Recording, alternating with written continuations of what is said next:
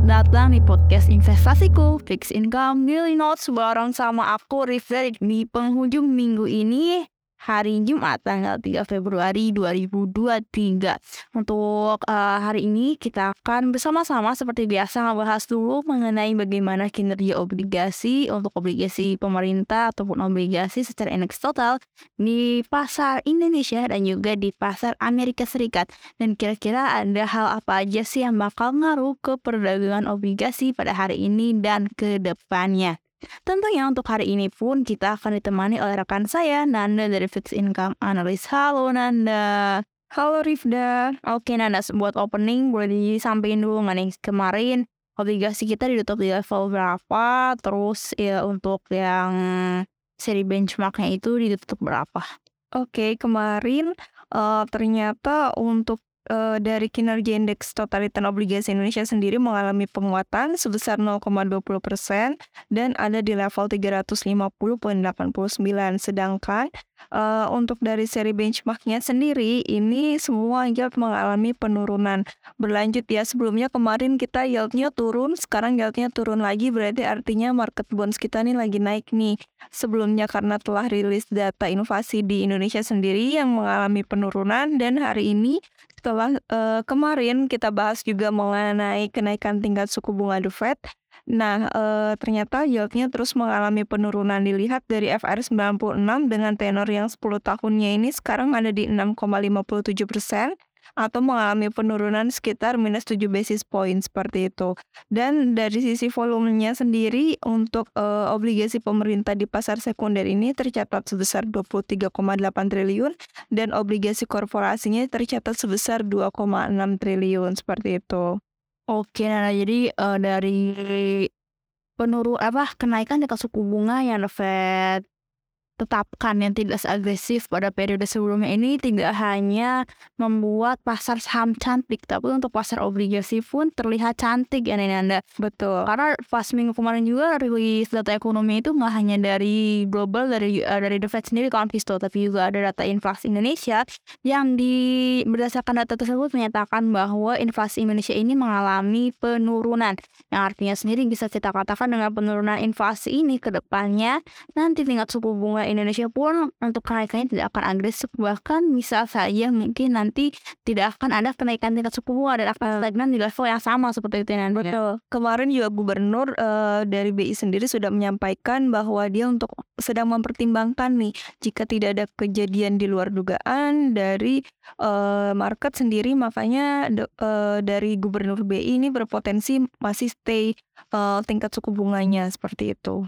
Oke, dan juga untuk uh, inflasi sendiri kan yang ngebuat yang yang memiliki kontribusi besar dan juga tingkat inflasi yang besarnya kan pas sebelum-sebelumnya ketika uh, tingkat inflasi energi itu begitu tinggi itu karena uh, energi kan? Tapi Betul. sekarang lebih normal nih kalau itu penyebabnya karena makanan dan juga tembakau jadi memang uh, dengan kebijakan kenaikan suku bunga itu uh, kebijakannya bisa langsung direct banget kayak ngefek ke spending masyarakat kan itu korelasinya langsung. Betul Betul sekali. Dari uh, inflasi inti Indonesia juga masih ada di kisaran 2 sampai 4 persen.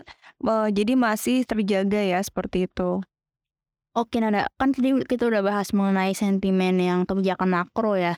Kalau ke, uh, informasi mengenai misalkan uh, US uh, jobless atau jobless claim itu kira-kira apakah ada data yang baru rilis terus kira-kira nanti bakal ngaruhnya gimana nih ke market obligasi?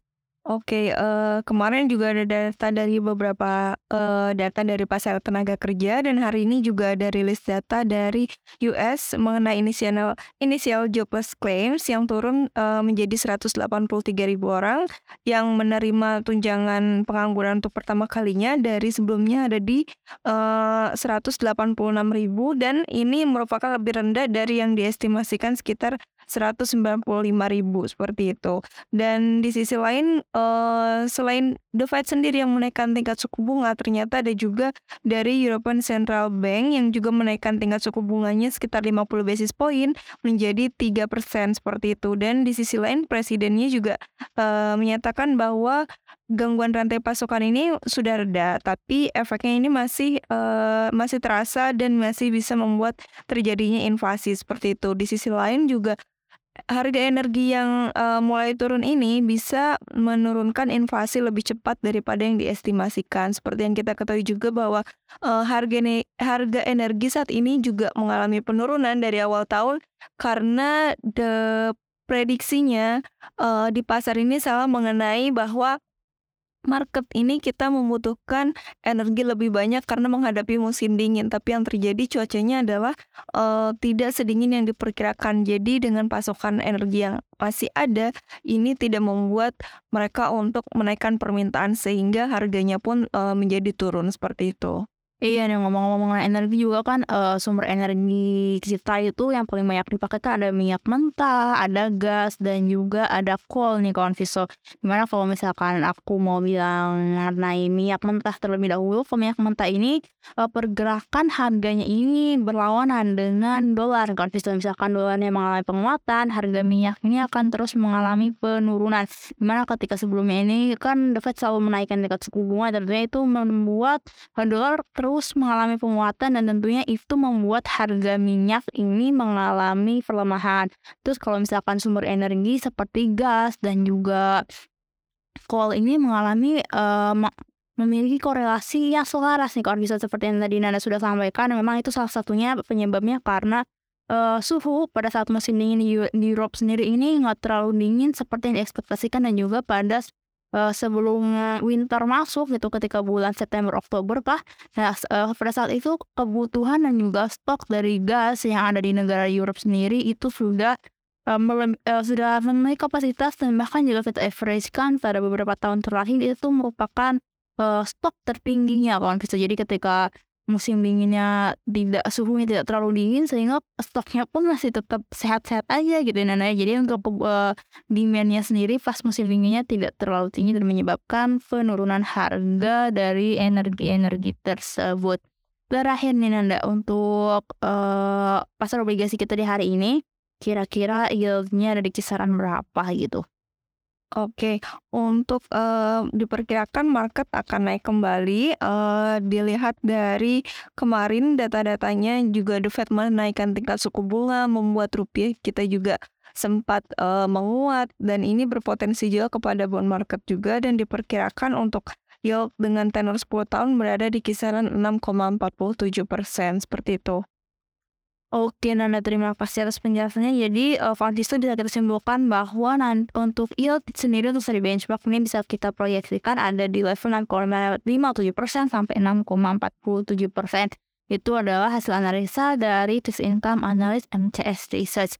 Oke, kawan Vista, untuk podcast Fixed Income Daily Notes hari ini kita sudah di sini. Buat kalian yang pengen tahu lebih banyak tentang investasi saham, obligasi ataupun reksadana, kalian bisa punya website kita di investasiku.id. Investasiku for better tomorrow.